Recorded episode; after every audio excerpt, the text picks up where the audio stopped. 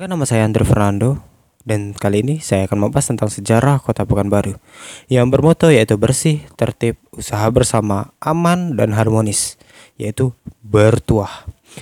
Lokasi Kota Pekanbaru sendiri yaitu di bagian tengah Pulau Sumatera, yaitu di tengah-tengah antara Sumatera Barat dan Sumatera Utara dan berada di belakang Kepulauan Riau. Uh, dan memiliki luas 632.026 km persegi dan total populasi pada tahun 2020 yaitu memiliki 983.356 jiwa.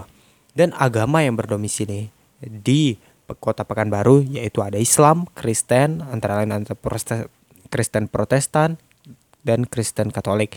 Dan ada juga Buddha, Hindu dan Konghucu bahasa yang ada yang dipakai dalam kota Pekanbaru yaitu biasa Melayu, Indonesia, Minang, Batak dan Tionghoa.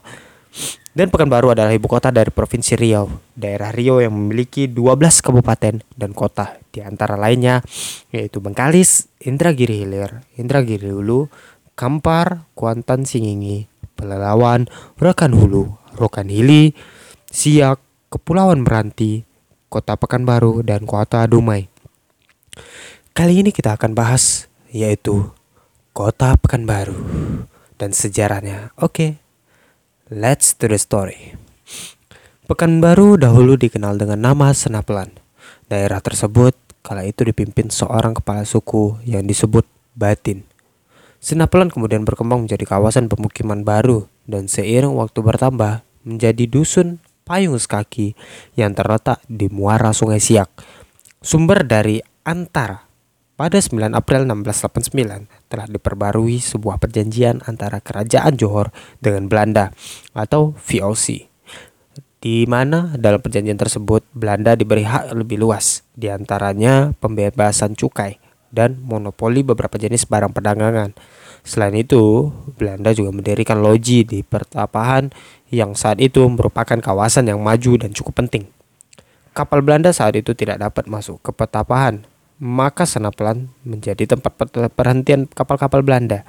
Selanjutnya, pelayaran ke Petapahan dilanjutkan dengan perahu-perahu kecil.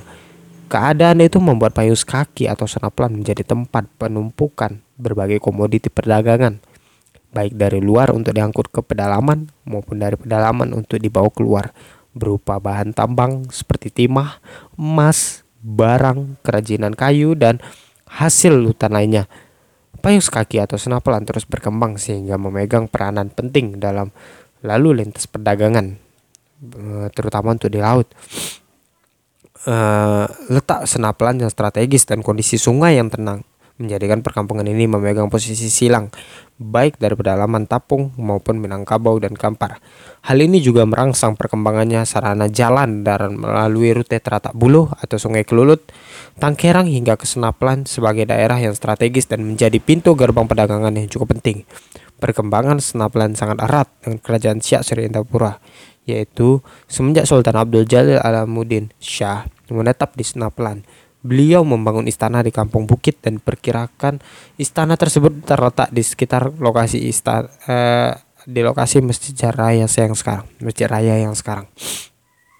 Sultan kemudian berinisiatif membuat pekan atau pasar di Senapelan, namun tidak berkembang di masa itu. Kemudian usaha yang dirintisnya itu berlanjut ke putranya oleh Raja Muda Muhammad Ali yang bergelar Sultan Muhammad Ali Abdul Jalil Muazzam Shah meskipun lokasi pasar tersebut bergeser di sekitar pelabuhan Pekanbaru sekarang.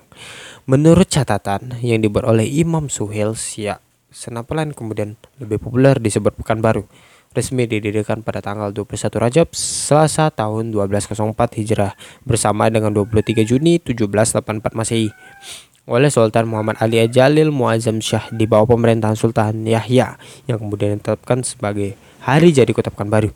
Sejak ditinggal oleh Sultan eh, Muhammad Ali Abdul Jalil Muhazzam Shah, penguasaan Senapelan diserahkan kepada Datuk Bandar yang dibantu oleh empat datuk besar yaitu Datuk 50, Datuk Tanah Datar, Datuk Pasir, dan Datuk Kampar. Mereka tidak memiliki wilayah sendiri, tetapi hanya mendampingi, dat mendampingi Datuk Bandar. Keempat datuk tersebut bertanggung jawab kepada Sultan Siak dan jalannya pemerintahan sepenuhnya berada di tangan Datuk Bandar.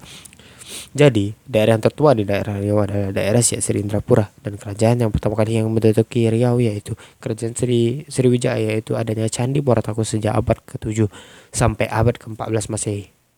Itu dari sumber kompaspedia.com.